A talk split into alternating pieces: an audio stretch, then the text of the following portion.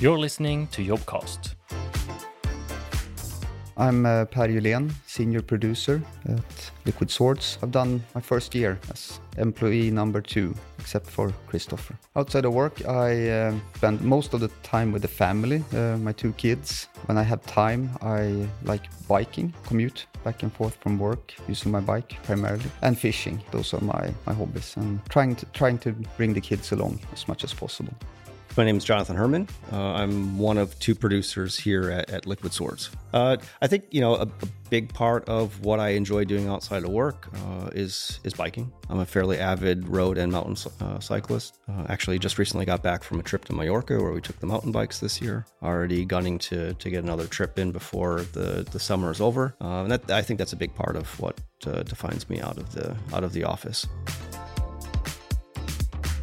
to me, producer or a person that is supposed to provide development support needs to be the right person. So I need to get uh, the best possible understanding of what the different needs are in the different teams, so we can try to find the right candidates. Because it's it's not enough that the person has an ambition to be something. It needs to be the right personality and experience-wise, we can we can coach and teach the person whatever the person needs. I think the single biggest thing that, that we look for here are individuals who don't have strong egos.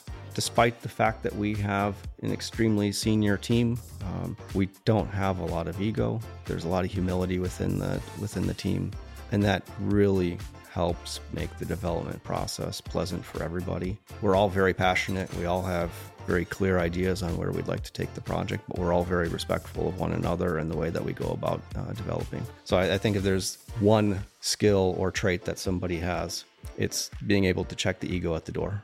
It's not to say that you can't have one, but just be willing to check it at the door.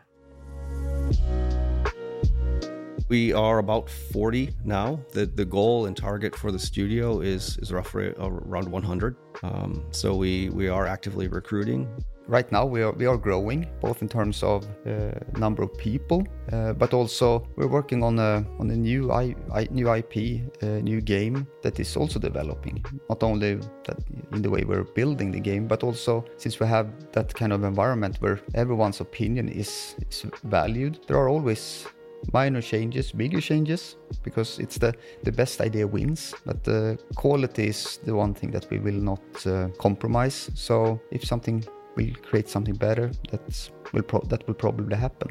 I, am just looking forward to to be part of the journey of growing the studio uh, and releasing a game eventually. That, and that that's the great thing with games. It's one one game at a time. Now we have the luxury of developing and, growing a studio as well. Uh, so there are a lot of lot of things happening, which is inspiring.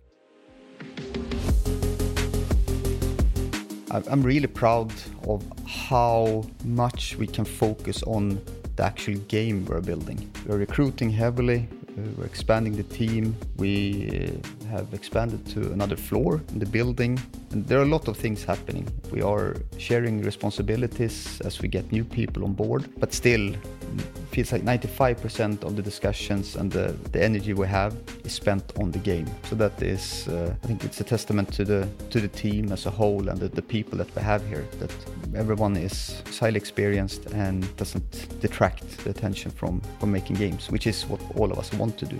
Why do you? Why would you want to work at Liquid Swords? Because uh, we we very are very much a, a AAA indie developer. We have the experience to know uh, how to bring a product to market, unlike many indie devs who haven't actually gone through the, uh, the, the, process. But we're we're very much focused on it's the product and doing what's what's necessary in order to make sure that the product is going to be as, as good as possible.